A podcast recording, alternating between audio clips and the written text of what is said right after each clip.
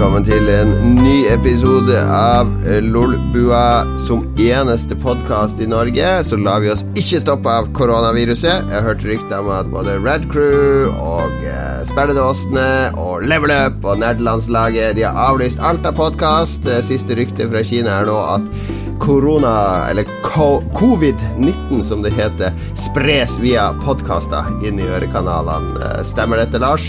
Det stemmer, og, men vi er immune, da. Fordi vi har med oss Mr. Corona himself denne uka. Oh yes. Ja, vi er den første podkast i Norge som har en med koronasmitte. Eller kanskje koronasmitte. kanskje det. Jeg tviler på det, i og med at jeg på en måte har vaksinert meg sjøl i så mange år. Må du ikke ødelegge en god historie ok, jeg har koronavirus. Men du har vært syk, har du ikke det? Du har vært dårlig. Jeg har vært, skikkelig dårlig. Og du har vært ja, og testa deg sjøl. La oss si hvem vi er først. Når det er amatørmessig. Lars Jeg og Lars, det kjenner de fleste. Kristian er med av og til. I hvert fall de som bruker å komme på ball i Oslo. De kjenner Kristian veldig godt. Ja, det... det er noen i redaksjonen her som kun drar på ball når det er fotballquiz. Eh, og som ikke er interessert i Commodore 64. Har du hørt det, Christian? Ja, jeg har hørt noen rykter om det. Jeg har ennå ikke fått pinpointa hvem i redaksjonen det er, men jeg er på jakt etter den, den skyldige. Den svikeren. Ok, men Kristian eh, er jo kjent og fast tryne i Lolbua nå, og det var nesten vi mista deg nå i helga, har jeg hørt rykter om, Kristian? Jeg ble skikkelig syk. Det mm -hmm.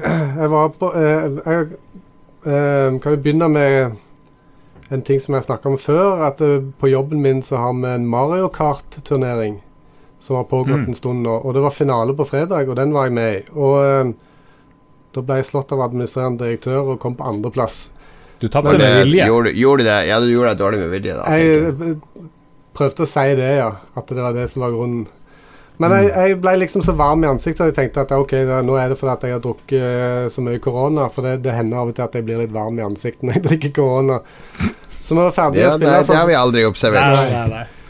Så når det at jeg var ferdig, så tenkte jeg nei, nå får jeg bare komme meg hjem. Så skulle jeg gå til toget, og så var jeg skikkelig dårlig når jeg gikk. Så jeg bare slang meg inn første taxien jeg fant, og kom meg hjem og målte tempen. Da var det 39,8.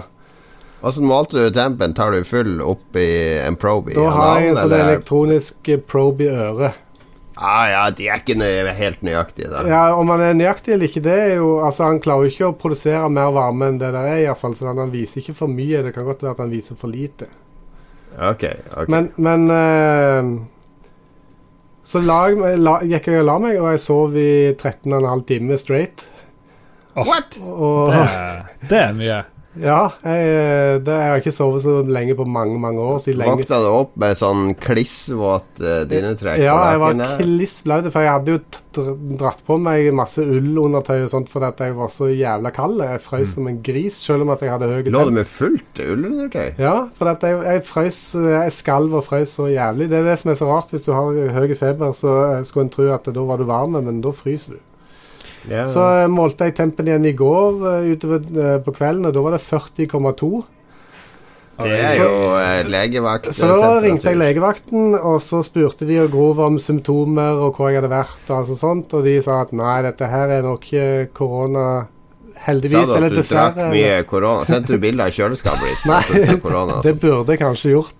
Ja. Jeg vet alle som hører på at du er jo mister korona. Du har kjøleskap fullt, du drikker bare korona inntil du traff oss. Da torde du å drikke en annen. Ja, da torde han. Nå, nå liker han også de, de veldig spenstige ølene Peroni og den der 1664. Ja, ja. Du holder deg på de litt, eh, litt uh, tynne ølene, kan vi si. Ja, og så drikker jeg jo selvfølgelig det som du ambusher meg med når at du skal ha øltest, som vi hadde i Roffebua. Ja, ja det drikker du som en mann, i motsetning til Ståle, f.eks. Mm. Riktig. Ja. Så men, de, på, men, men innførte, du, innførte, du, karantene hjemme da, da du yes, ble så dårlig? Jeg, jeg sov i kjelleren. Mm. Holdt meg vekke fra resten av familien. Så det, det var kanskje òg grunnen til at jeg fikk sove så lenge, for det var ingen som forstyrra meg i det hele. Men vet du hva du burde ja. gjøre? Du burde jo si til familien at du har korona, og så låser du deg inne i mancaven i to uker og gamer, og du får inn en madrass, og du har øl, og det blir bare baluba. Hæ? Ja, det, har du ikke tenkt på. Det hadde gjort seg. Ja. Men, men tenk, når du tenker tilbake til fredagen og lørdagen, var du da eh, eh oppriktig bekymra for at det kunne være korona? Ja, jeg var egentlig det, for at eh, jeg eh, Tenkte du gjennom om du hadde hun kineseren som du hadde klint med på toalettet på jobb, eller noe sånt? Måtte du gå gjennom alle sånne situasjoner? Jeg har en, en kollega som har hus i Italia. Ah, ja, han hadde vært i Italia for ikke så lenge siden, og når han kom tilbake, så var han forkjøla. Men så så jeg på Facebook at han eh, hadde hatt besøk av legevakten og blitt testa, og han var clean. Ja. Så eh, da regnet jeg med at da kom de iallfall ikke derifra. Så det, og eh, legevakten òg, når de spurte meg om alle symptomer, og sånt, så kom de fram til at dette her er nok ikke korona. Det høres ikke sånn ut. Hm. Det er ingen det, Veldig ofte så er det visst vondt i hals og sår hals og sånt, men det, halsen er helt fin. Så du kan få korona i tillegg til det du har nå, egentlig? Ja, sikkert. Hvis jeg ikke er forsiktig. jeg vet ikke hva jeg har nå, men jeg, eh, jeg har jo barnehageunge, så det at uh, det kommer jo litt av hvert derifra. Det er ikke så mange dagene siden hun var dårlig, så det er vel kanskje noe av det som ja. jeg har fått. Det var en fyr på 35 som døde her om dagen. Man sier at det er de gamle som dør, men det var, han, kanskje han var syk og dårlig. Han det kan være at det, hvis du har noe annet i tillegg, så er du mer utsatt. ikke sant? Ja. Mm. Og unger, veldig motstandsdyktige, visstnok. Det er jo veldig urettferdig. Det, ja, det er jo det. Ja. Trenger færre unger. Du vil at det skal være motsatt, at unger ja. dør som fluer, mens ja. de eldre de, er, de, kan bare få de sterkeste influensa uten at uh, det svikter noe kan vi kjøre rundt og gasse løs. Trenger ikke tenke på neste generasjon. Nei, jeg målte tempen i stad, da hadde jeg 38. Så da jeg målt, Du tenker at du tar deg en sykedag i morgen? Jeg, antagelig så blir jeg hjemme i morgen. Ja.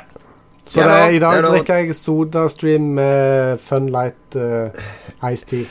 Det, Sodastream det må jeg snakke om, for det, det hadde vi da jeg var liten. Og jeg var på en um, Og det var helt forferdelig, denne Sodastreamen på 80-tallet. For da husker jeg ja, nå skal vi spare penger, nå skal vi lage egen brus og sånn.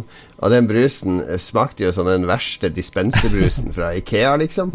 Eh, den som bare er, er, brun og heter noe som ligner på cola. Altså, det var, det var grusom brus. Men så har jeg skjønt at SodaStream er på vei tilbake nå. Du Kristian, eh, har jo det? Ja, jeg, eh, jeg drikker det ganske mye. Kanskje litt for mye. Det ja. Men jeg har jo funnet min miks, og det er jo med den Ice Teen fra Fun Light. Men jeg har òg testa den Pepsi Maxen, faktisk. Som, uh, ja, det er den jeg skal snakke ja. om, fordi den testa jeg i går. Ja, og den er faktisk på, Har du testa det her, Lars? Ja, jeg har en uh, sånn her Pepsi Max-blanding uh, liggende, faktisk. Ja. Til, til SodaStream. Ja, men Har du testa den? Jeg har testa den, men jeg vil ikke spoile. Du skal jo komme med en sånn enorm historie. Ja. Så. Jeg, fordi jeg eh, Skada av 80-tallets Sodastream, så var jeg jo, jeg jo veldig skeptisk. Eh, fordi den var ikke god i det hele tatt. Og så hadde jeg var på en liten sånn Akersmik reunion-fest eh, hjemme hos en kompis i går. Og han er helfrelst på den Soda-streamen, så da hadde han laga sånn blindtest. da Han hadde tatt uh, Pepsi Max rett fra boks, kjøpt i Sverige, hmm. over i sånne små uh, plastkrus, og så Soda-stream Pepsi Max. Og så hadde vi pizza fra pizzabakeren, og så hadde glass, og det sto én og to på. Altså Den ene var sånn veldig sånn metallisk smak på. Eh, ikke sånn fyldig og det var ikke så fyldig og søt, men det var en sånn metallbismak. Yes, det er, det er den som er sodastream. Det er en karbonpatron som driver og setter smak ned i, i vannet her. Mm.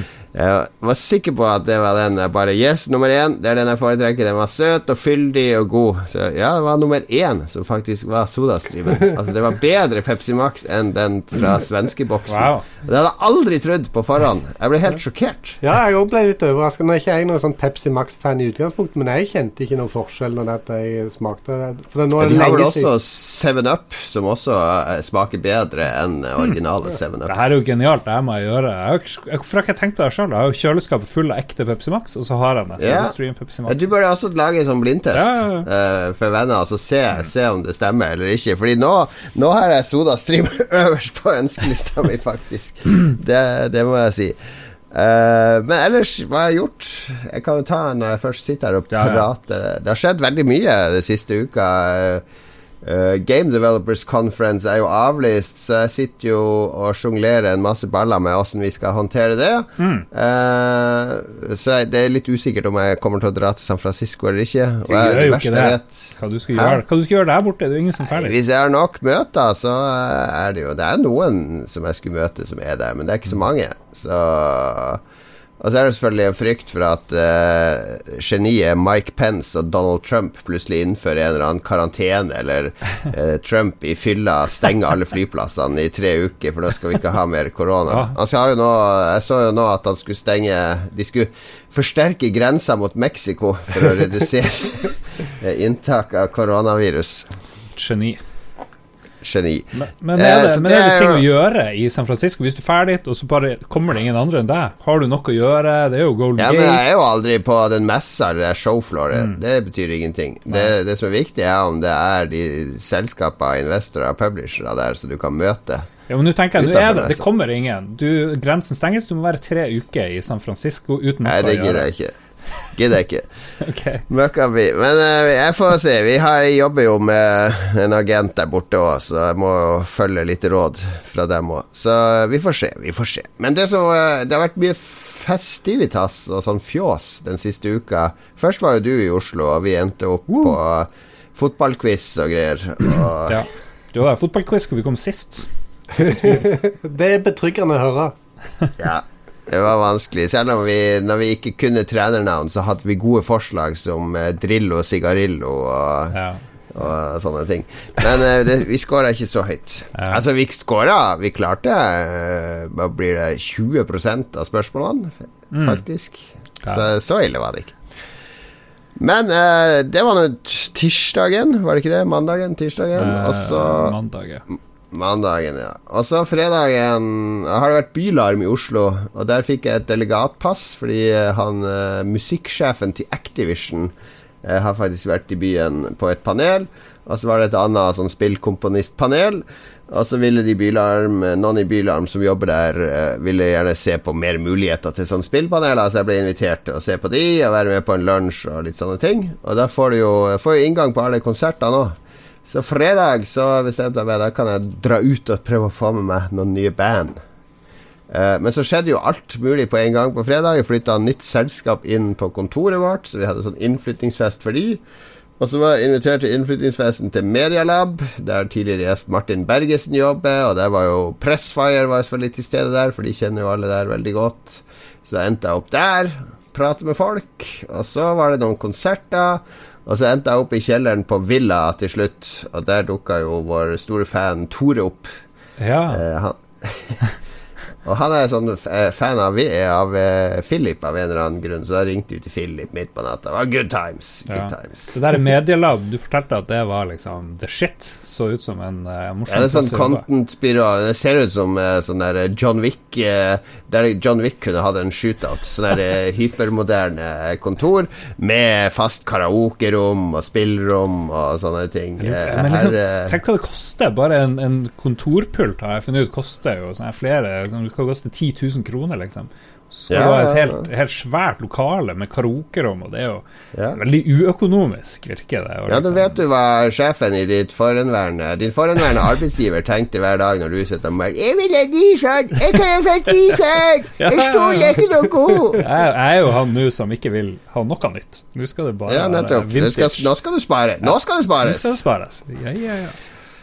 det er bra. Nei, så, og I går så var det en Akersmik reunion-fest, så jeg har uh, jeg er virkelig lei av å drikke. I går drakk jeg bare drinker, for det var sånn fest der uh, folk som er veldig opptatt av drinker, uh, og som skal lage drinker hele tida. Han ene liker bare sånne søte drinker med noe sånn karamellbismak, og det, det ble mye, mye, mye skvip. Mye jeg måtte tvinge ned. Men jeg overlevde. Du er, det et under. ja, men her er jo for gammel til sånn der festlig. Men på fredagen så Det var litt sånn stress å løpe sånn fra fest til fest, og så få med seg én konsert, og så løpe videre til sånn der eh, der jeg skulle møte de Bylarm-folka, og mm.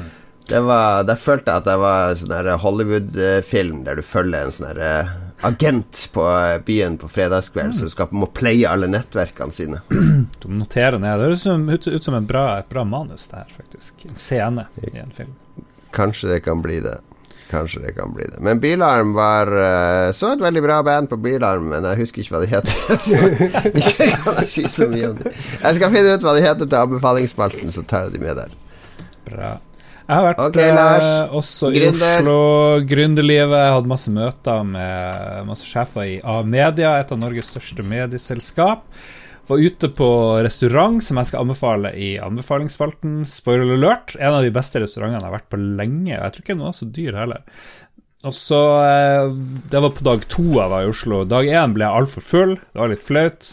Møtte sånn sjefen på Grand etter vi var på den der fotballquizen, og så klarte jeg å slå over et vinglass og knuse det inne på Grand. Det var det første jeg gjorde der. Og så for vi videre opp til Hegdehausveien, og så ble det altfor mye alkohol. Men han var i overraskende god form dagen etterpå. Heldigvis. Det er jo ganske smart å la, gi et dårlig førsteinntrykk, Fordi mm. da, da, blir det bare bedre. Ikke ja. sant? I stedet for at du vil Å, han her virka utrolig kul, og så når du blir kjent med deg, så mer bedre kjent, så er den ikke så kul. Ja, ja nei, men det, jeg, jeg lyktes der for å si det sånn. Men um, de helt store fortellingene Jeg vet ikke, jeg likte å gå rundt i Oslo. Jeg gjorde det. Så jeg kjente litt sånn Oslo-suget plutselig. Og det har jo litt med at det var 30 eh, sekundmeter vind og enormt mye sne og regn og sludd og hagl og alt mulig her. Så det, jeg må kanskje mokke taket mitt for andre gang i vinter, så det gleder jeg meg til. Ja, det har du bare godt av.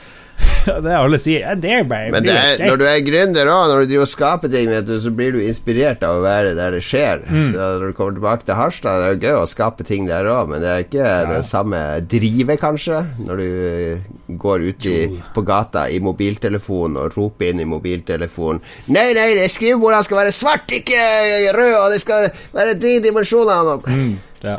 Jeg går rundt og roper sånn. Men det er, jo, eh, det er, jo, gøy å kunne skape noe i en by hvor det kanskje trenger litt, uh, trenger litt action. Og ja, definitivt. Et, et, medieselskap kan jo være med å skape mye, ikke sant? så det, det gleder jeg meg til. Det kan bli kult. Ja. Var det A-media som tok regningen eh, på restauranten, eller? Helje. Helje. Det er ingenting som å høre folk rope 'Vi trenger en ny flaske vin!' og bare tenke 'ja, ja, ja, det får noen andre betale'. Good stuff. Ja, ja, ja. Nei, gründerlivet er bra så langt. Absolutt. absolutt. Eh, vi, jeg tror vi er veldig nært å ansette vår første person, så det blir gøy. Og eh, skal intervjue flere. Nå er det jo vinterferie her oppe, da, så jeg lurer på om det blir litt sånn eh, Ja, vi må finne på andre ting. Jeg må begynne å skrive saker. Jeg må jo bunkre opp noen noe heftige ting vi skal komme på lufta med når vi skal få i gang denne nettavisen, ikke sant. Så da må vi ha noen saftige avsløringer så hvis noen der i Harstad har noen gode tips, så si fra. Skal du begynne Lolbua hver uke nå og så spørre etter tips? Ja. det er jo eh, forholdsmessig mange fra Harstad som hører på der, så det må jeg gjøre. Ja. Det er ikke så mange. Jeg har sett på statistikken. De fleste er jo i redaksjonen. Jeg tror det er flere i Tromsø enn i Harstad. Nei, ja ja, whatever. Ok, det var det vi har gjort siden sist. Takk for sharing. Sharing is caring.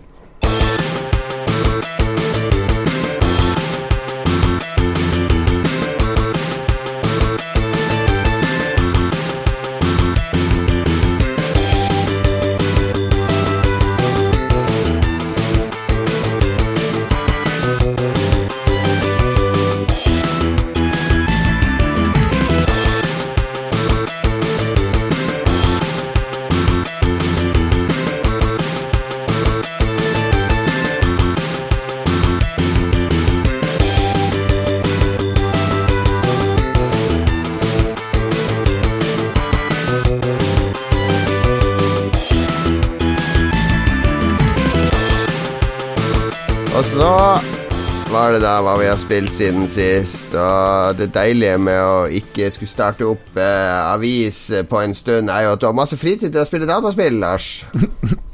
uh, nei, jeg har ikke spilt en drit, uh, egentlig. Hva er det som skjer? Har du gått lei av spill nå? Uh, jeg spilte spilt penn og papir rollespill, hvis det teller. Vi hadde den første rollespill-session her på et halvt, over et halvt år. Vi satt jo fast med han her godkompisen vår Jens Arthur. spilte mye en del rollespill i måneden, én eller to ganger, og så det gikk helt bort. Han var jo en av liksom, de hovedkarene der. Men nå så fant vi ut vi skal, vi skal dykke ned igjen i en verden av magi. Ja, for han døde for nye lyttere, så døde jo han i sommer. Ja, ja, han døde. døde. Han var, han var liksom primus motor for rollespill. Er det liksom riktig ja. å si at han uh, var drivkraften der oppe? Ja, han var drivkraften, han og Mats. Så heldigvis har vi jo Mats i live. Knock on wood. Ja. så jeg håper, jeg håper, ingen her får korona. Jeg er, jo, jeg er genuint redd for at folk skal dø av korona. Jeg er, jo, jeg er jo en mann av angst, så jeg har ja, ja, ja. Ja. Det, er, det, er, greit å ha angst for sånne banale ting som korona. som at folk dør. Ja. Men jeg anbefaler folk som ikke har spilt Shadowrun eller spilt penn og papirrollespill. Det er jo noe av det morsomste man kan gjøre. Mm. Det tar masse lang tid, det er mye gnukking, det blir mye dritprat. Men det å sitte og kaste terninger og skape en verden i hodet ditt eh, og, og rollespille og ha en GM som er flink, som kommer med morsomme innspill og litt sånne gærninger rundt bordet, det er kjempegøy. Det er noe helt annet enn å spille data.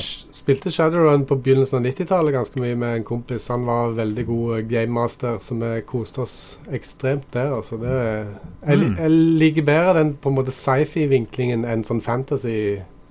Det, det, som er så bra med Shadowrun, er at det er både fantasy og sci-fi. Så du får liksom best of both worlds. Du kan balansere det som du sjøl ønsker, hvis du ikke vil ha for mye troll og orker. har for meg spilt litt sånn Call of Cthulhu og sånt uh, før det, og det ble litt for mye sånn uh, vet ikke jeg, monster og drit som jeg ikke er så interessert i. det kan du òg balansere ja. så du vil. Du må ha en riktig gamemaster. Ja, når, gamemasteren han, han Når vi spiller Call of Cthulhu nå, så er vi jo på eh, USS Thunberg på vei mot en uh, fjern planet som skal koloniseres etter at jorda har gått under i miljøkatastrofen. Og der er det en representant for Frp, en for MDG, en for KrF. Stemmer. Det er vår Call of Cthulhu. Ja, det er gøy. Men uh, ja, det, var det rart å starte opp? Jeg hadde også en minutt stillhet uh, først? Ja, omtrent. Ja, det ja. var veldig rart. Det var det. Og vi snakka mye om Charter, og karakteren hans lever jo enda i spillet, for han var ikke gamemaster på slutten. Det var oh, ja. Mats som var. Så hans kar, en sånn uh, en magiker, glad i å lage våpen. Han hadde mye build repair, uh, firearms uh. og sånne ting, og, og var veldig paranoid, husker jeg. Likte å stå én kilometer unna der det var action, med kikkert, og kaste spels gjennom kikkert, for det er fullt mulig i, oh, i Shadowrun. En gamemasters mareritt der. Sniperen. Hvorfor kan han ikke gjøre det gjennom en skjerm, da? Du kan ikke kaste spels. Spels har jo med mana og livskraft å gjøre, og elektronikk har ingen livskraft. Så, men hvis du har en optisk kikkert Det finnes jo ikke en kikkert i 2050 som ikke er elektronisk basert. Ja, det, Du får spørre han Mats, det er han som tillot ja. det der. Ja, det hadde jeg aldri tillatt. For verdens kraftigste kikkert, du kan se sånn her ti mil borti enda, så bare kaste spills overalt i hele verden. Det er jo fantastisk. Det, det er elektronikk. Det hadde ikke gått. ja, ja. Og så har jeg okay. bestilt Og så har jeg kjøpt uh, Destiny Nei, Division 2. Ja, det har du, for da begynner vi eh, kjører vi opp på PC hele gjengen. Filip er med, Mats er med, du er med. Jeg har jo spilt det lenge på PC, så nå blir det litt Division 2-streaming framover. Og eh, jeg har jo, for de som hører podkasten, så har jeg vel forhåpentligvis vært med Jeg ble invitert av Level Up til å være med på deres launch-stream av Warlords of New York tirsdag som var denne uka, så jeg satser på at jeg var med der, siden vi spiller inn det her før. Jeg blir veldig rotete. det ble sånn her tidsparadoks her. Jeg vet ikke hva som skjer. Ja. Det var veldig gøy å være med der. Ja, Rune, Rune er artig kar, altså. Han sa når han eh, Når jeg døde der også. ja, Og synd at serverne var så tregt oppe, da. Det var litt kjipt. Ja, serverne var litt trege. Nei, Division 2 det koser jeg meg stort med, det kan jeg si. Det har jeg spilt uh, en del siden sist. Uh, for jeg har ikke vært Det, var, det ble jeg holdt på å klikke i vinkel. For jeg har ikke vært og spilt det siden i sommer. Og så lå jeg på, og da var det masse nytt. Det kom et nytt område. Det hadde kommet den der uh, Tivoliøya, hva det heter Coney Island, eller noe sånt? Coney Island, ja, det er noe greier. Det er på Long ja, Island, den, er det ikke det, eller? Ja, ja den der utenfor New York. Den der ja, Tivoliøya. Jeg var der faktisk uh i fjor. Ja, nettopp. Mm. Fint, det. Eh, den har kommet, og noe annet greier. Så masse nytt innhold. Og så er jeg jo makslevel, altså World uh, Tier 5, som det heter. For du kan gå opp til level 30, og så går du opp fem sånne World Tiers. Og da, når du da får 500 power på alle drops, så er det liksom Da er du i endgame. Da kan du begynne å lage builds og, og få synergier mellom ulikt utstyr. Har du gjort noe raid og sånne ting, da? Frem til nå? Nei, det er åttemannsraid, så det er jo enda verre å få Åtte? til enn eh, Destiny. What? Ja. Destiny er seks, og det er jo et ork å få til, men her må du ha åtte. Hæ? Ja, så jeg har ikke gjort uh, noe raid, det har jeg ikke. Men uh, jeg har spilt mest solo. Jeg driver bare og grinder meg gjennom det sjøl, og så har jeg spilt med noen i Lolbua. For vi hadde jo en Lolbua-klan, eller det har vi fortsatt. Og Der er det over 40 medlemmer, og den er level, maks level og alt. Så du får litt rewards hvis nok spiller der, men det er ikke så mange inn og spiller nå. Men det som irriterte meg, er jo at jeg var jo Jeg stifta jo den klanen. Altså Da jeg var inne og sjekka klansiden, så er jeg bare løytnant. Det er sånn random dude jeg aldri har hørt om, så nå er eh, liksom commander. Så bra. altså, bare, Hva skjedde her? Jeg vet ikke hvem det der er. Eh, hvorfor er han blitt commander? Det, var jeg var, det er bare jeg som har makt til å gi noen andre den commander-greia. Så får jeg sjekka litt på forum og Reddit. Og det er sånn at Hvis du ikke spiller på tre måneder, så blir du fratatt commander-tittelen. så blir den gitt til en random dude i klanen. Så nå har jeg drevet og sendt han her melding og bedt om å få tilbake Lolbua-klanen. For det var en ganske aktiv klan en periode. Jeg tror det vil ta seg opp nå som den Warlords of New York kommer, for den, eh, den ser veldig bra ut. Ja, jeg er klar. Det var et stort steg, steg å laste ned noe til PC, kjente jeg. Det gjorde litt vondt inni meg. Det. Ja, men det er deilig å, å spille det på PC. Det er veldig PC-sentrert eh, spill eh, med kontroller og alt. Så jeg, jeg koser meg. Det er noe Det er litt nesten sånn eh, skammelig å si, men det er litt sånn deilig å bare skyte mennesker. Altså Herregud. Kan ikke si det. Ja, jeg, ja men det er altså virtuelle i, Det er så mange Sånn som i Destiny, ikke sant, så er det jo sånne rare aliens. Fallen og Hive og, og sånn. Og det er kjempeartig å skyte de òg, masse skills og sånn. Altså, mange litt mer sånne eh, politisk korrekte anmeldelser av Division 2 De har jo klaga på at man er jo egentlig bare en fascist som går rundt og skyter folk som prøver å overleve, Ja, og som ja, ja. har skapt sånne små samfunn. Og det er jeg helt enig i, men det er det er bare veldig avslappende å plaffe ned disse folkene. Jeg kan ikke noe føle at eh, det Jeg hadde ikke gjort det Jeg tror ikke jeg hadde gjort det på ordentlig. Det er bra at du sier 'jeg tror ikke jeg hadde gjort det'. Ordentlig. Mats hadde jo nyt, nytt av det der på ordentlig òg, hvis, mm. Ja. hvis han var med i en, en real life division. Så i Men apokalypsen, når det kommer ei sånn dame som vil ha et flaske vann, og sånn, så du bare Bare skyter henne i fotene og bare lar henne ligge der. Nei, jeg hadde jo ikke gjort det, men det er noe eh, den, den verden der alt har forfalt, og det er bare Og alle er ute etter å ta det, og skyt, løp fra cover, sleng ut granat. Og det er jo veldig aktuelt i dag. Det er jo, det er jo koronavirus eh, Ja. egentlig som slår til der. Plutselig begynner alle å daue. Jeg tenker jo ikke over at det er mennesker heller, så nei, det er rart det der. Det er bare veldig hyggelig at eh, Fordi mange sånne skytespill, de gjemmer jo seg bak at det er zombier eller aliens eller noe sånt, men her er det bare sånn Det er mennesker. Det er desperate mennesker du skal skyte. Eh, så jeg, skjønner hvis du syns det er bad taste, men eh, jeg, eh, jeg, jeg er blitt nummen. Jeg er nummen. Herregud, vi må gå videre. Ja, det er egentlig alle spill som jeg skulle snakke om, for vi må jo ha noen nye spill av og til også, Vi blir jo helt utdatert på spill. Så jeg har, eh, til tross for at jeg har uh, mye mer travelt enn Lars, så har jeg lasta ned et nytt spill. Hva er det her for noe? Du, hvorfor har du det mer travelt enn meg?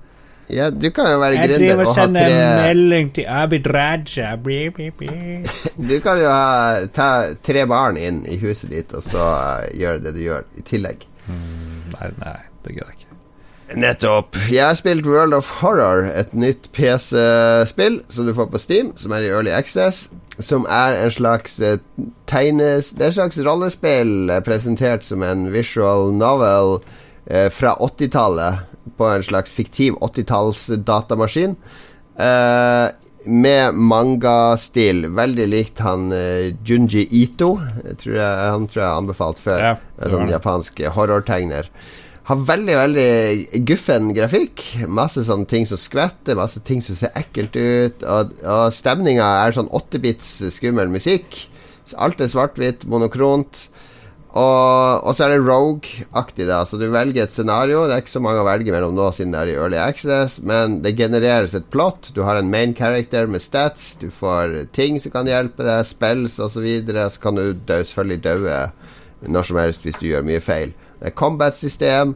Og det er bare veldig veldig gjennomført, uh, stemningsfullt uh, horrorspill som uh, eh, 100% originalt, og anbefaler det kjempevarmt. Det ser veldig Commodore 64 tidlig sånn her Mac-PC-spill. Ja, det er sånn Atari, Atari 800 Altså de Atari-datamaskinene de hadde på 80-tallet. Det minner veldig om de. Mm. Så jeg koste meg masse med det, men som det er med alle sånne Early Access-spill som er uh, Eller veldig mange av de jeg vegrer meg litt for å spille for mye. Fordi jeg vet at nå er det bare noe innhold, så jeg vil helst ha masse innhold der. Uh, så jeg slipper å spille for mye på nytt. Mm. Så, men jeg kommer definitivt til å dippe innom det her jevnlig i flere måneder. Det ser veldig bra ut. Det gjør det. Yeah. Christian, hvordan er formen? Hva er temperaturen? Uh, fremdeles, stigende hva har du spilt? ja, jeg har spilt Mario Kart, men uh, apropos gamle spill, så har jeg vært skikkelig late to the party nå. Jeg, jeg, har spilt et spill som jeg har visst om i mange, mange år, men som jeg aldri har prøvd fordi jeg trodde det var bare et spill for 20-åringer. Så jeg har spilt Minecraft. Minecraft? Hva går det ut på? Det visste jeg ingenting om da jeg starta det opp. Så det at uh, jeg gikk rundt der og, og uh, slo på Vent, vent, Hvorfor valgte du å spille Minecraft? For det var gratis i eh, GamePass på Xboxen, så jeg tenkte la meg bare teste det. Tester du alt som er gratis? Nei, det gjør jeg ikke. Men uh, det, var, det, var, veldig random at jeg testa det. Ja. Så jeg sprang rundt og slo i treverk og slo i stein og så ble det mørkt, og så kom det plutselig zombier og yeah, altså, creepers, Så tenkte jeg hei, dette her er jo ikke for de minste barna.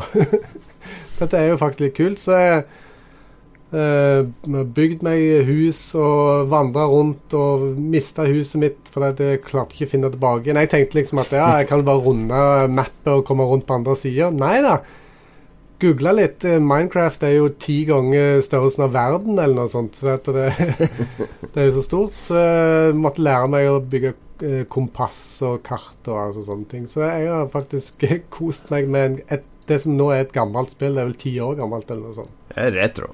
Ja, det er retro. Mm. Men er det noe du har spilt med dattera di? Eh, nei, hun har sett litt på. Ja.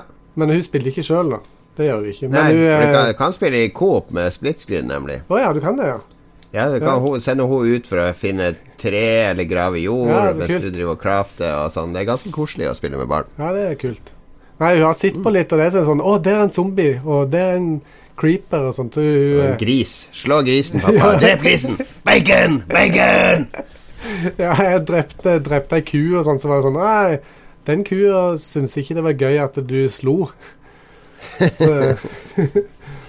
ja, så det, det, har jeg faktisk eh, klokka inn ganske mange timer i det siste. Og jeg håper ja. kanskje Det har jo vært litt sånn stemning i Lolbua-redaksjonen for å kanskje ordne en server og spille sammen. Jeg kommer ikke til å spille der. Du er altfor lei. Nei, men jeg spilte det jo Jeg var blant uh, den første De første Jeg vet ikke om jeg rakk de 100 000, men i hvert fall blant de første 500 000 som kjøpte spillet, ja. tror jeg. Uh, når, det, når, du måtte kjøpe det rett fra Notch sin hjemmeside og betale med ja. PayPal. Jeg har uh, googla en del Minecraft. Har jo sett at det er verdens mest solgte spill. Ja, det er egentlig Tetris, men det, er fordi ja, Kan jeg legge til grunn da? Jeg bare så at det var the world most selling game. Men det er kanskje fordi det, det er så mange forskjellige versjoner av Tetris, eller er det er, vi, vi må, eh, hvis Erik Fassum kommer på neste C64 et ball, så kan vi ta diskusjonen ja, der. Men da, må er, du, da må du komme og dekke det, hvordan Lars. Du, hvordan du definerer selling og osv. Ja. Hmm. Men det er, At det er populært, det er vel ikke noe tvil om. Det er det. Det er megapopulært. Og, og jeg kjøpte det veldig tidlig, og jeg skjønte jo ingenting av det. Da, da, var det jo mye mer upolert opplevelse enn det ja. var nå. Det var liksom bare her er verden. Ingen oppskrift, uh, ingenting. Uh, Finn ut alt sjøl. Det kunne selvfølgelig være masse sider på nettet som hadde oppskrifter på ting, og hvordan du skulle crafte og taktikker og sånne ting. Men jeg skjønte jo ikke poenget. Altså Hva jeg skal gjøre? Det er mm. aldri noe sted at det står at jeg har prestert noe, eller gått opp i level, eller fått en skill, eller Jeg var jo sånn konservativ spillkritiker da. Ja. Så jeg hadde jeg, var ingen knagger å henge det her på. Det var bare en verden jeg kunne ødelegge. Til Minecraft. Nei, men da, jeg var jo profesjonell spillkritiker, så jeg tenker ok, nå innser jeg at det her er utenfor uh, mitt, min ekspertise, mitt komfortområde. Det her må jeg lære mer av. Så la meg spørre noen elleveåringer. ellevåringer. Uh, så jeg satt jo min Han var vel ti år da. Sønnen min og kompisen hans. Kan ikke dere spille det her litt? Og så satt vi og spilte, og jeg var nede på kjøkkenet, og så gikk jeg opp etter en time, og da var det hoi og hyl og skrik, og da hadde de bygd hus, og det kom en creeper og sprengte en vegg, og de var beina gjennom skogen, og ene etter andre ene satt på, på en pad og lette etter oppskrifter. De var jo 100% inn i det. Mm. Så flere gutter i den klassen skulle kjøpe det spillet etter at de hadde spilt det hjemme hos oss.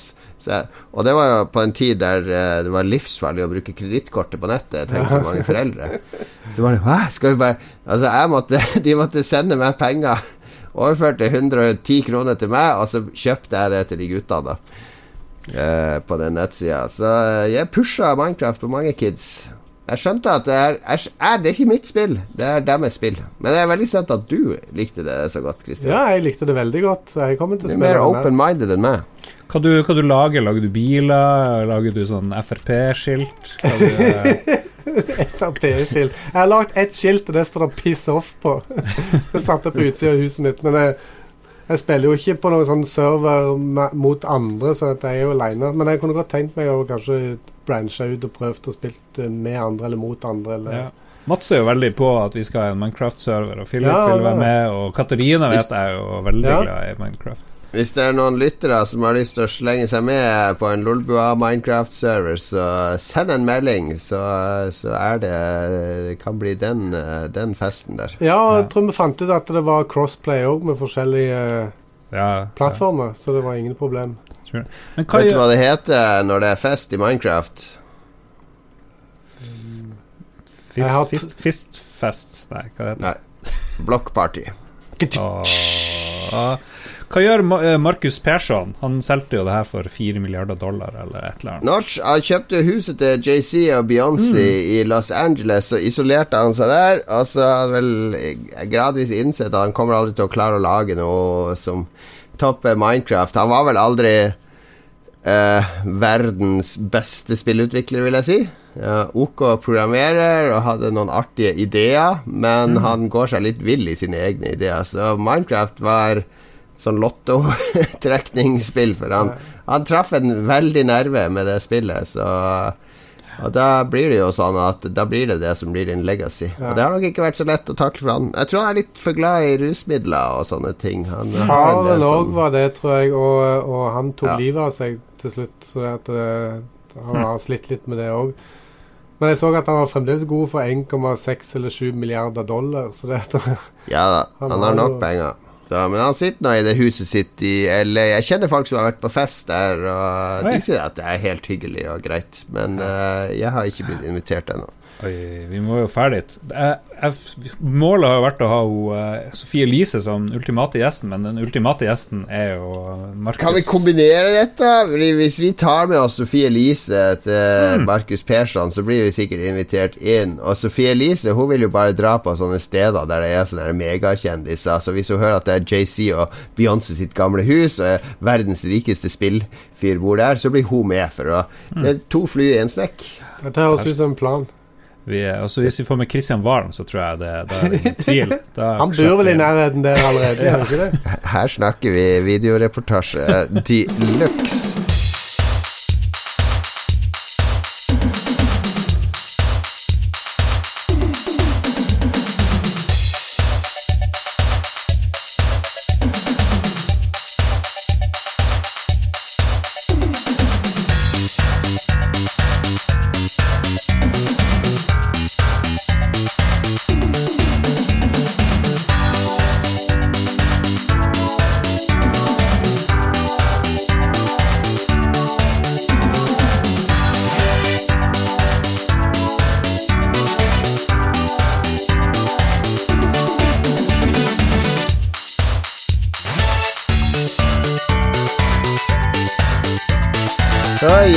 Det skal anbefales ting uh, denne gangen. Jeg har to anbefalinger. Men Lars, du skal begynne med endelig kommet deg ut av Harstad. Vekk fra Dolly Dimples, der de promper på pizzaen, uh, og gatekjøkkenet på kaia, der de kaster gammel aurinnmat oppi gryta med lapskaus. Ja. Er det gode restauranter igjen i Harstad? Nå hørte Fire Roser var lagt ned. Ja, ja. Nei, vi hadde jo flere. Vi hadde tre kjempegode, og nå er to av de lagt ned. Men vi har noe som heter uh, Umami. heter det den er ja. veldig bra. Det er, men det er litt kjedelig når dere uh, CEO-ene i den nye avisen skal ut på den uh, daglige luksuslunsjen og bare ha én god restaurant å gå til. da Ja, jo, det er utrolig kjedelig. Så vi, vi tar kun kokain, dropper lunsj. Ja, det høres fornuftig ut. Men du har vært i Oslo. I Oslo er det ikke noe manko på gode restauranter. Det er altfor mange gode restauranter. Så hvilken var det du klarte å forville deg inn på? Jeg ble dratt med av de her eh, konsernlederne. Eh, etter et langt og flott møte så skulle vi dra og spise litt, og da havner vi i Øvre Slottsgate 16. Og der er det noe som heter Brasserie France. Og hvis jeg skjønner rett, måtte, var inne på hjemmesida, og det er mye lærlinger. Jeg husker det var mye unge folk som var der, så jeg vet ikke om det er en sånn lærlingeplass, men det var noen som var litt oppi årene òg, kanskje de var lærlinger. Det var østers. Jeg spiste en uh, suppe til forrett med safran og blåskjell. Den var jævlig god. Han ved siden av meg mm. spiste de her østersene og syntes det var helt magisk. Uh, og det var veldig masse forskjellige typer østers. har du smakt uh, østers? Nei, jeg har ikke det. Er det bra? Har du ikke smakt østers?! Nei, nei, nei, nei. Du er snart 50 år og ikke har smakt østers! Ikke jeg heller. Jeg har hatt sjansen flere ganger, jeg har takka nei. Ja, jeg har smakt det, og jeg kan røpe at det smaker helt for jævlig. det er jo som å drikke saltvann. Altså Det er den der uh, saltvannsfisksmaken. Men du må i hvert fall smake det en gang i livet. Ja, ja. Ble du kåt når du smakte det? For det, det skal ikke være sånn afrodisiak? Ja, Det er derfor du ikke har tort å smake på ja, det. Ja, jeg er redd for å både bli rød i toppen av koronaen og rød nedentil av Østersen. Mm. Jeg spiste for første gang uh, Hva det heter for noe? Biff tartar fikk jeg smake litt uh, der. Ja, det, det var en som syntes det var helt topp. Og det var faktisk godt, men det var jo blanda inn Det var jo rent kjøtt, ikke sant? U ja. Ikke stekt, men Uh, masse Hva heter det? Ketsjup, sennep. Masse sennep i det her, og sikkert andre ting. Det smakte jo ikke ja, kjøtt, egentlig. Det smakte jo bare alt mulig annet. Men, Men det var, var det, overraskende bra. Hvorfor valgte du den? Var det fordi alt det andre på menyen var så skummelt? Nei, jeg, jeg, jeg, fikk smake det hos en Arn, så jeg bare fikk ja. en liten sjekk. Nei, jeg spiste uh, entrecôten med pommes frites og bearnés. Liksom ja, Det liksom- var jo vågal, et vågalt valg. Ja, men den ble anbefalt, og den var veldig bra. Bra. Og så er det ikke sånn kjempedyrt. Jeg ser tre retters til 750, fire retter til 885, men det ble jo jævlig mye vin da, og den kosta jo litt. Så, men jeg tror det er en helt, eh, helt overkommelig pris å spise der. Og midt i Oslo, rett i eh, sentrum der. Helt topp. Min nye favorittrestaurant i, i Oslo. Uten tvil.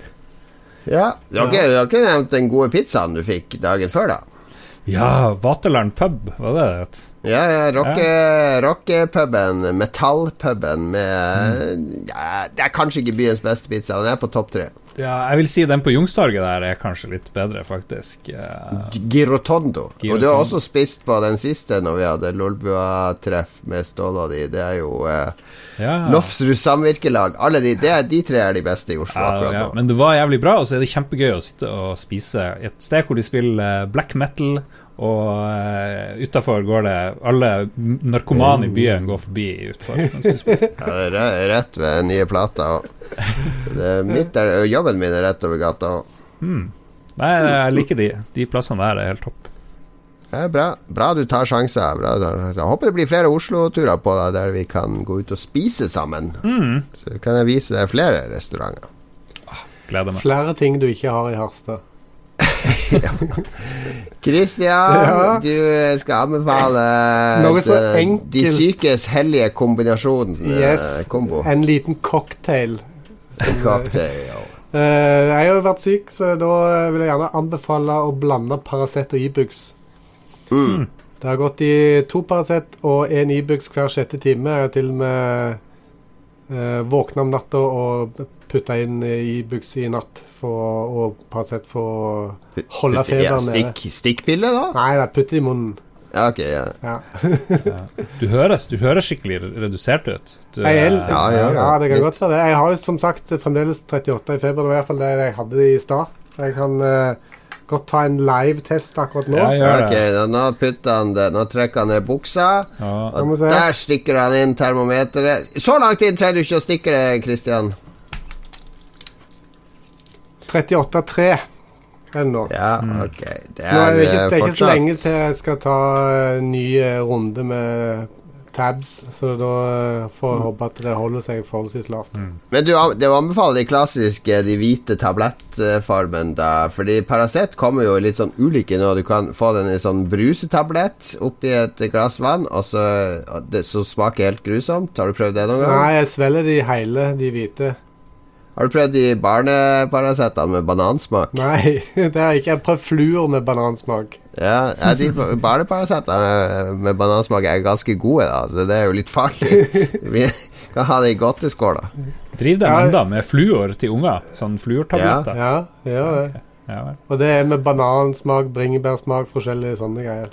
Det er viktig med fluor, Lars. Hva er det nå? Har du blitt sånn antivakser? Jeg tenker det er fluor i vannet og sånt. Det er jo de ja, mind-controller og sånt. Nå nylig så kom det fram at uh, eh, f.eks. Ramløsa, hvis du kjøper mye Ramløsa i Sverige, så må ikke barn få drikke det, for det var veldig høy andel fluor i de, faktisk. Ja, Det er jo ulogisk. Du skal jo bare stappe Ramløsa i dem, for det er jo så bra å hive i de her enorme pillene hver dag med fluor. Ja, men det har med emaljen på tennene å gjøre, og andre ting. Du kan få for mye fluer òg, vet du. For Fluer er godt for tennene, men det er ikke så godt for resten av kroppen når du svelger det og, og, mm. og får det inn i systemet. Veldig god avsporing med fluoren her nå. Jeg lurte på om vi skulle bli litt sånn her antivakser. antivakser. Er det sånn Resett-profil på den avisa deres? Skal dere være skeptisk til vitenskapen, ja, ja, ja. eller? Eh? ja, må ha en egen sånn. seksjon for konspirasjonsteorier som Mats ja. kan uh, bidra med. Nyhetsspeilet.no. Det blir jo pro, pro, Trump og ja, alt det der. Jeg leste Tidligere i dag leste jeg en artikkel på New York Times der det sto at uh, koronaviruset var, er muligens uh, doctored og lagd av kineserne og har sluppet ut av laben Uh, I den byen der de, uh, den uh, pasienten Wuhan. Hva heter det? Wuhan? Jeg tror det var det. Ja. Wuhan. Mm. Så det ja. kan være. For de, de påsto at de testa masse medisiner og virus og sånt på dyr, og så istedenfor å destruere dyret etterpå, så solgte de det sånne street vendors som da lager mat av det. Og så kan folk ha fått det i seg på den måten. Ja. Det er ja, Og det var New York Times, altså? Ja, ja, det kan jeg Kjøper det glatt. Det, er litt altså, det testes jo medisiner på dyr, så det er jo ikke noe Det er jo ikke noe uh, nytt. Men man bør jo destruere de. Jeg kjente en som jobba i UPS, og annenhver måned der så er det sånn pakker som, som de har prøvd å levere et år, som det rett og slett ikke er mulig å levere. Da blir det åpna og destruert. Og det er sånne dyre klokker fra utlandet, datamaskiner, Macbooks har de knust. Wow. De må knuse det oppi en container. What the fuck? Og det, og det må filmes òg, så, så, de har bevis på at ingen har tatt med seg noe. Ja. så han har sendt meg, har sendt meg av og til sånne filmer der han stod, slo sånn hammer gjennom en helt ny iPad. Og jeg ser for meg en YouTube-kanal der uh, eh, UPS kan presentere alt det de knuser. Så kan folk vri seg i Det er ganske sløseri, da, tenker ja. jeg. Herregud, da. Ja, selvfølgelig er det det, men uh, hva kan du gjøre? Men apropos knusing av Apple-produkter. Jeg har jo endte opp med å bestille noen Macbook Air her til, her, uh, til meg sjøl. I hvert fall én, da. Ja. Og så fikk jeg prøve. Var innom en Elkjøp, så tenkte jeg ok, jeg må prøve den der nye Macbook Air. Hvordan kjennes det ut? Jeg, ble, jeg, begynte å angre med en gang, altså. Det er tastaturet er det fordi det, har, det hadde sånn råtten tastatur, de siste ja, modellene, ja. men det skal være bedre nå igjen. Ja, det skulle være bedre, men jeg syns ikke det var noe særlig bra. Har du sånn ny Macbook Air, Christian? Nei, eh, min Macbook Air er litt eldre, men jeg har Macbook Pro, og de er veldig forskjellige på, mm. på tastaturet, det er de. Men uh, jeg syns begge tastaturene er helt uh, kurante og gode. Hvor ny er din Macbook Pro? Ta nå det her utenfor programmet. Den er fra i fjor. Ikke interessant for noen i det hele tatt. Macbook Pro-en er fra i fjor. Det her er dødsinteressant for meg. Kristian, husk at uh, all sånn her rådgivning til han i bedriften, det skal bedriften hans betale for. Så er det konsulent, og det er timepris på minimum 1200 kroner for å rådføre det. Ikke sant? Begynner å få sånn kalde tær her, altså. Jeg gjør det. Prøv den litt, så, så blir du fort vant med det, altså. Du skal vel uansett koble den opp på en skjerm og på et sånn eksternt uh, tastatur, så det ja. har jo ikke noe å si. Jeg har jo kjøpt sånn her 43-tommer enorm Samsung-skjerm, så jeg er litt sånn Bua? du kan dele i to. Ja, ja, bua og bare Ja, For du skal lage store nyheter? Nei, men jeg skal jo oppe 1000 skjermer, ikke sant? så da tenkte jeg det var like greit å ha én svær i stedet for to, to vanlige skjermer. Som, som, du må flytte og prøve å stille inn og alt det der. Ja, ok, ja, vi får, får se åssen det går. Ja. Lære fort. Jeg lurer på om en Macbook Air klarer å kjøre de greiene. Men de sa det skulle gå. Det er ikke noe problem, tror jeg. Teamet vil show. Ja, interessant. Datasport. Yes, takk for det avsporinga der. Nå skal jeg anbefale to ting som en kompensasjon for det her. Kan ta det bandet jeg så på fredag. De heter Black Country New Road. Uh, jeg mm. tror de var fra England. Uh, og Veldig interessant komposisjon på scenen, for helt til høyre sto en dame på, og spilte på keyboard, synthesizere, og så var det en bassist, og så var det en saksofonist, og så var det ei med fiolin, og så var det en med gitar. Uh, og som også var main Eller han sang ikke så mye, det var mest sånn spoken word, og så var det en trommis bak. Og de klarte å lage sånn helt sånne magiske lydbilder. Det var så fin lyd. Mm. Uh, og sånn oppbygging og driv i melodiene. Det eneste som ikke funka, syns jeg, var den vokalen til han der fyren. Men når det var instrumental, eh, så var det helt fantastisk konsertopplevelse. Så eh, Black Country New Road, sjekk de ut på Spotify og andre steder.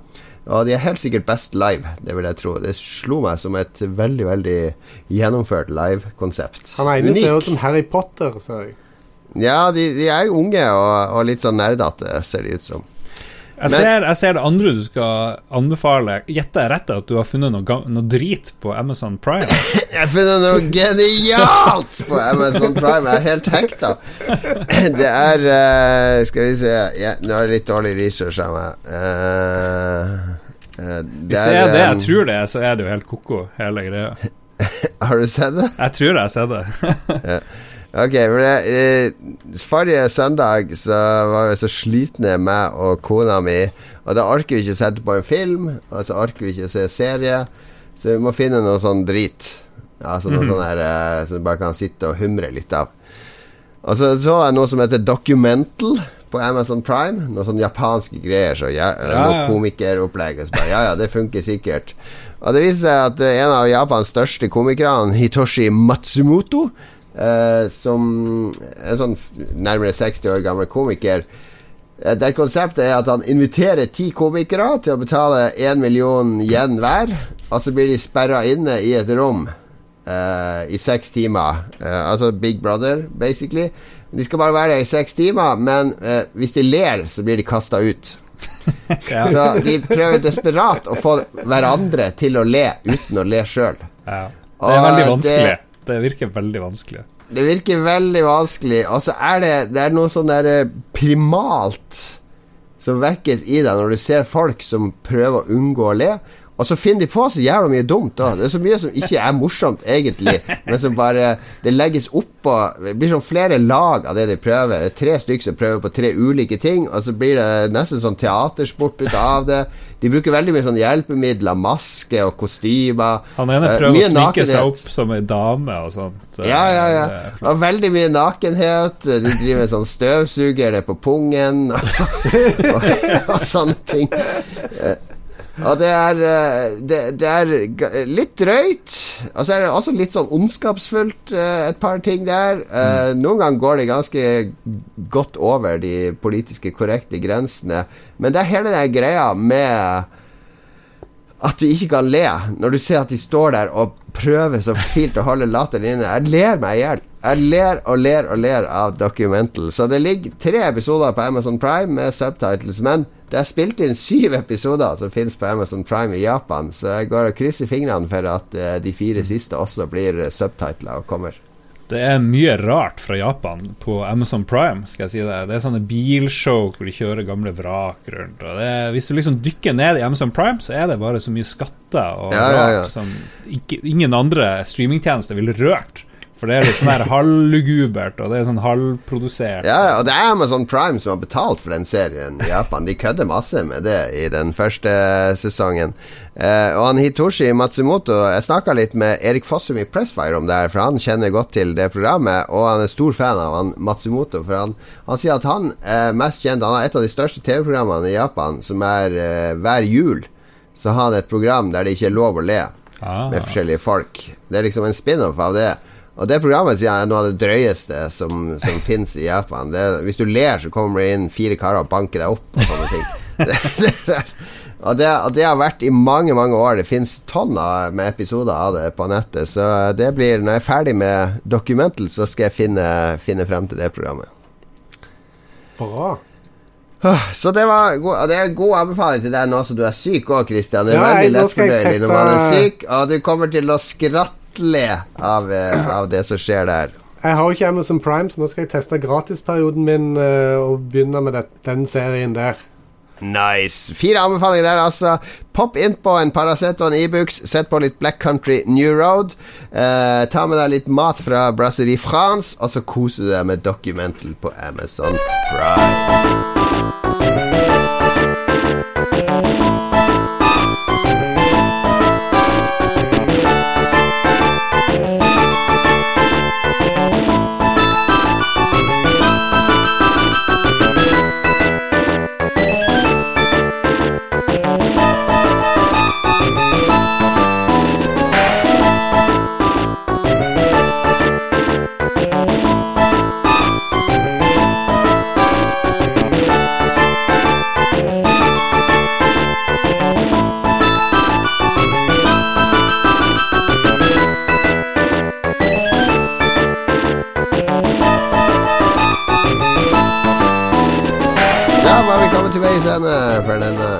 Ukas LOL-bua. Så snart lytterne har fått ordet sitt. Ah, du ikke i fella, Lars. jeg gjør det. Jeg lot meg lure. Som vanlig så spør Lars seks timer før sending Er det noe vi kan spørre lytterne om. Hva skal være tema? ja, men det var jo bra. Det, hæ? Ja, det var et bra forslag du hadde denne uka. Ja, det er alltid bra forslag jeg har, ikke det? Ja, ja, ja. Av og til. Du foreslo hva hadde vi gjort hvis vi havna 14 dager i koronakarantene. Riktig. ja, lytterne fikk svaret. Kanskje vi må komme med våre egne innspill. Eh, For når jeg leser om uh, Tromsø-kvinnen som er i karantene, og de andre, så tenker jeg mm. så deilig. Slippe å gå ut i uh, to uker. Det er en veldig ja. valid grunn til å slippe masse greier. I hvert fall hvis du ikke er sånn alvorlig syk. Ja ja. Nei, Hadde ikke jeg starta ny bedrift, så skulle jeg vært koronasyk allerede. bare Ingen tvil. Ok, Lotte hun sier 'endelig kan hun sove', og det er litt sånn tema i eh, dag. At de med barn de gnager og syter som vanlig, de får aldri sove. Så det, jeg har aldri klaga på det. Akkurat som Christian fikk sove 13,5 timer. Det, det, ja. folk ser det har ikke skjedd på fire år. Ja, der ser du. Så kan du få ta noen lytterbidrag her, Christian. Må du våkne opp her. Ja. Kristoffer Gettoboys Boys. Han sier han ville sett at kidsa og kjerringa var borte, så ville jeg kombinert søvn og GamePass. Det er jo Xbox. Får jo tid til å fullføre en shitload med spill, jo. Og å fullføre noen eksamener, faktisk. Ja, det tror jeg er bare tull. Han blir ikke å fullføre noen eksamen. Sannsynligvis det ikke. Dette er bare sånn at liksom, jeg slenger dette på for å virke litt seriøs. Det er akkurat som når jeg skulle ha sånn fem måneder pappapermisjon. Så hadde jeg sånn bunke med spill jeg skulle runde i den perioden, og hmm. bøker jeg skulle lese. Jeg kom jo ikke gjennom 10 av det engang. Ja, typisk. Bjørn Bjelland han skulle sove og fullføre en rekke spill og komme seg à jour på diverse TV-serier, men han frykta at kona hadde gitt han diverse rydde- og vaskeprosjekter. Ja. Bjørn Ulsøen, Eat, Sleep, Game, Repeat. Det er ganske Jeg, jeg tror jeg har vært gjennom alt folk svarer her, faktisk, egentlig. Ja. Det er bra. Stian Skjerven han sier at uh, han hadde gjort det samboeren hadde bedt han om. altså har han shrug-emoji ja. bak der. Mm. What can you do? What can you do?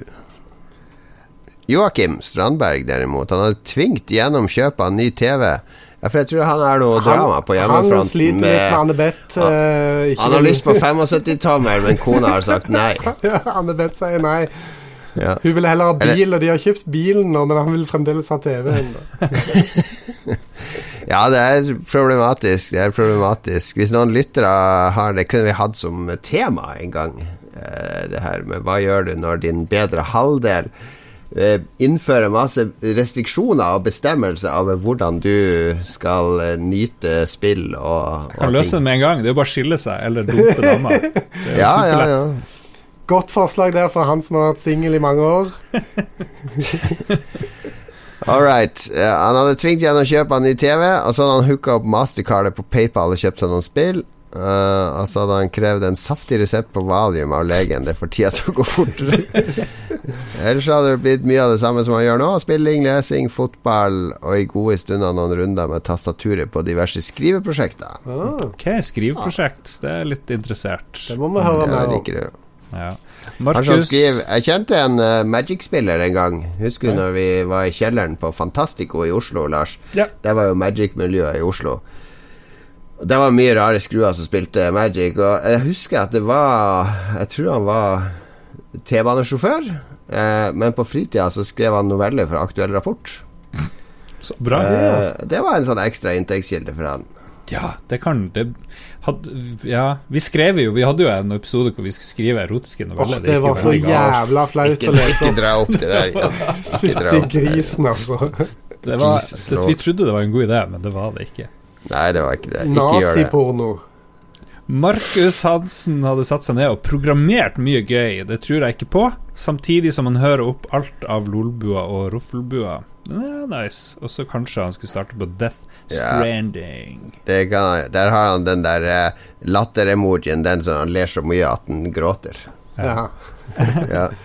Nei, går det an å Er det noe gøy å programmere? Er det å programmere vitsegenerator? Jeg, jeg spurte han i, i, på commenten der eh, hva han programmerte. Han driver med automasjon og sånt, og det er jo ikke akkurat kanskje det mest supergøye å programmere det, men han vil gjerne programmere noe spill hvis han hadde bedre tid. Ja. Lykke til med det. Ja. Er det meg, da? Er det, det er sikkert meg. Øyvind Svaleng. Uh, jeg ville ha hørt grundig på alle plater med PJ Harvey og lest masse. Mm. Det er en som ikke, ikke, foreslår å spille, faktisk. Ja. Det syns jeg er uh, helt greit, egentlig. Ja. Hva er den beste musikken å høre på når du er syk? Vil du ha aggressiv musikk, eller vil du ha litt sånn rolig, eller hva man vil ha, egentlig? Da vil jeg ha veldig ambient. Ja, ja da er sånn, det Er det Zoma FM eller et eller annet sånt? Ja, en sånn moderne biosphere, som egentlig bare er én lyd på loop i ti minutter hver låt. Uh, René Bonjour Lindberg Jeg tror ikke han heter Bonjour. Nei, han har mellomnavn eh, bare begynte med B, men jeg, jeg gjetta på hva det var. da det bonjour. René Bonjour Lindberg Han hadde satt uh, seg ned til å se resten av Studio Ghibli-filmene på Netflix og reaktivert Xbox Games Pass. Ja, for de er ute på Netflix. Ja. Jeg har sett et par av de med ungene. Jeg har ikke fått sett noen av de, og det, jeg vet ikke hvorfor. I don't know. Jeg ser bare dårlige TV-serier. Det er liksom ja. det jeg ser. Du er så opptatt med å spille dataspill. Martin Pettersen Sett at man ikke var skikkelig syk, så hadde han gått gjennom samtlige serier på Tube Galore. Oh lord yes. Det går ikke an. Det går ikke an. Runda Tube Galore, da er du flink. han har fått platinum på Tube Galore.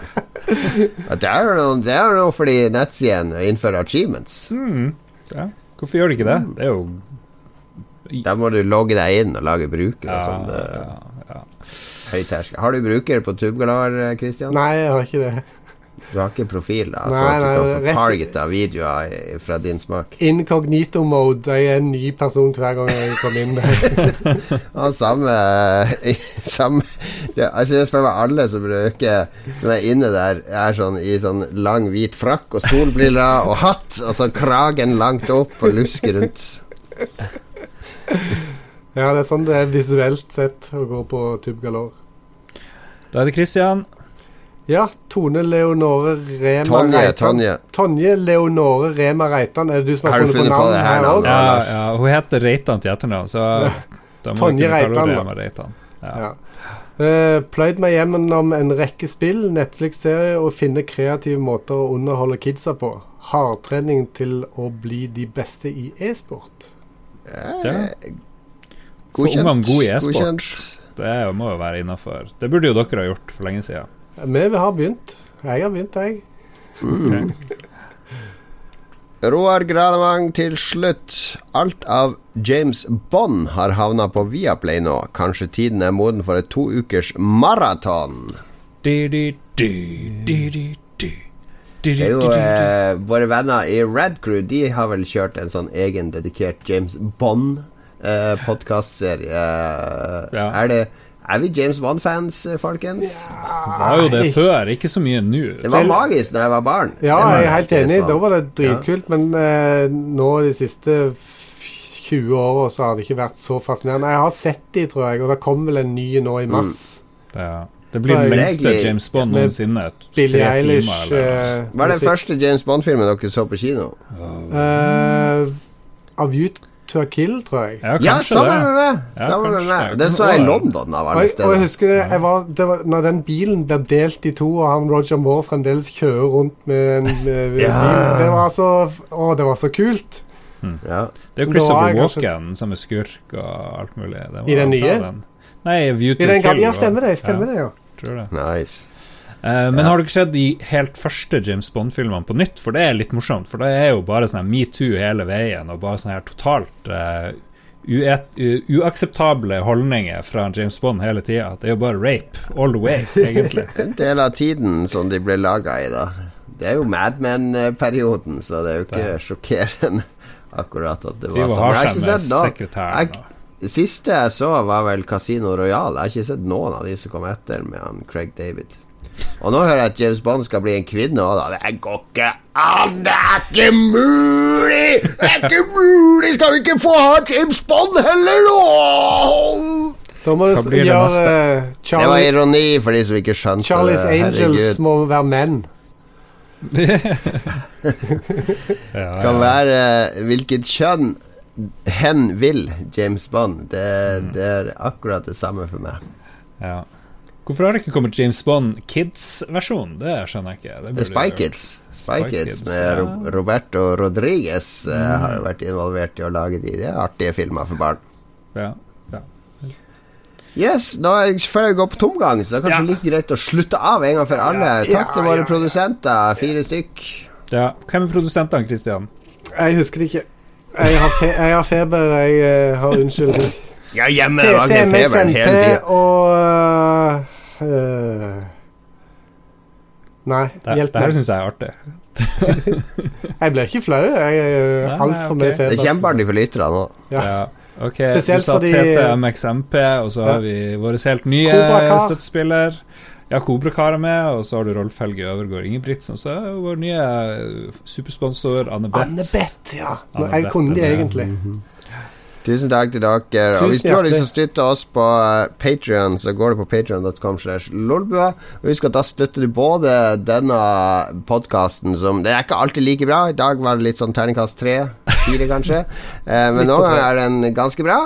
Uh, vi har vært helt oppe på terningkast fem i et par episoder. Men du mm. støtter mm. også vår helt nye podkast Spillrevyen, som kommer hver uke med blodferske spillnyheter. Den som kom denne uka, var faktisk så fersk at vi hadde fått eh, tilgang til nyheter før de var annonsert. Ja. Nå begynner vi å bli kjent, Lars. Ja, ja. Nå gjør vi research, vi får scoop og greier, så det er bare å Hvis ja, du har hørt ukens spillrevyen, så må du sjekke det nå. Ja, så vi setter pris på all støtte vi får, fordi det frigjør tid til oss til å gjøre det, og vi kan få laga enda bedre produkter. Uh, det var det vi hadde. To mm. episoder igjen til episode 300 det kommer ikke til å skje noe spesielt. Det er godt vi har planlagt masse til episode 300. Og så kommer det Nå er det tredje, årets tredje måned, og våre patrions har ennå ikke fått en roffelbua. Lars, hva skjer der? Jo, den er spilt inn, men jo, de har vel fått én i år, har de ikke det? Jeg tror de har fått én i år. Ja, de, fått... vi, ligger igjen på etterskudd, vi gjør det. Ja. det må, ja. Her må det klipping til. Ja, jeg vet ikke, jeg har ingen, ingen unnskyldninger. Det er bare dårlig holdning, og det, det må klippes. Klippes til, det blir en morsom.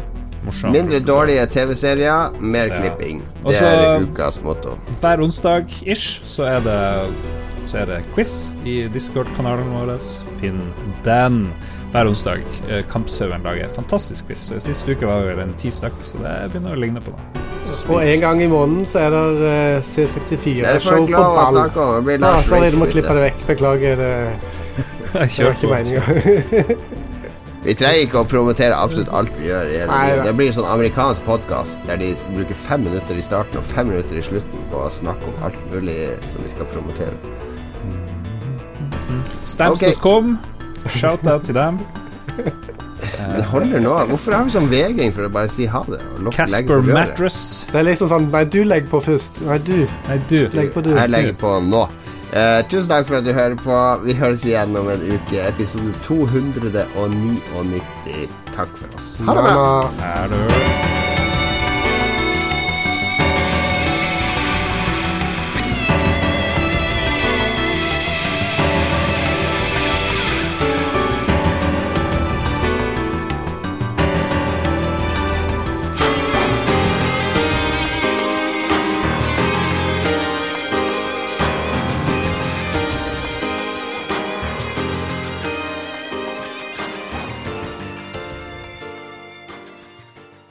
Har du et enkeltpersonforetak eller en liten bedrift? Da er du sikkert lei av å høre meg snakke om hvor enkelt det er med kvitteringer og bilag i fiken, så vi eh, gir oss her, vi. Fordi vi liker enkelt. Fiken superenkelt regnskap.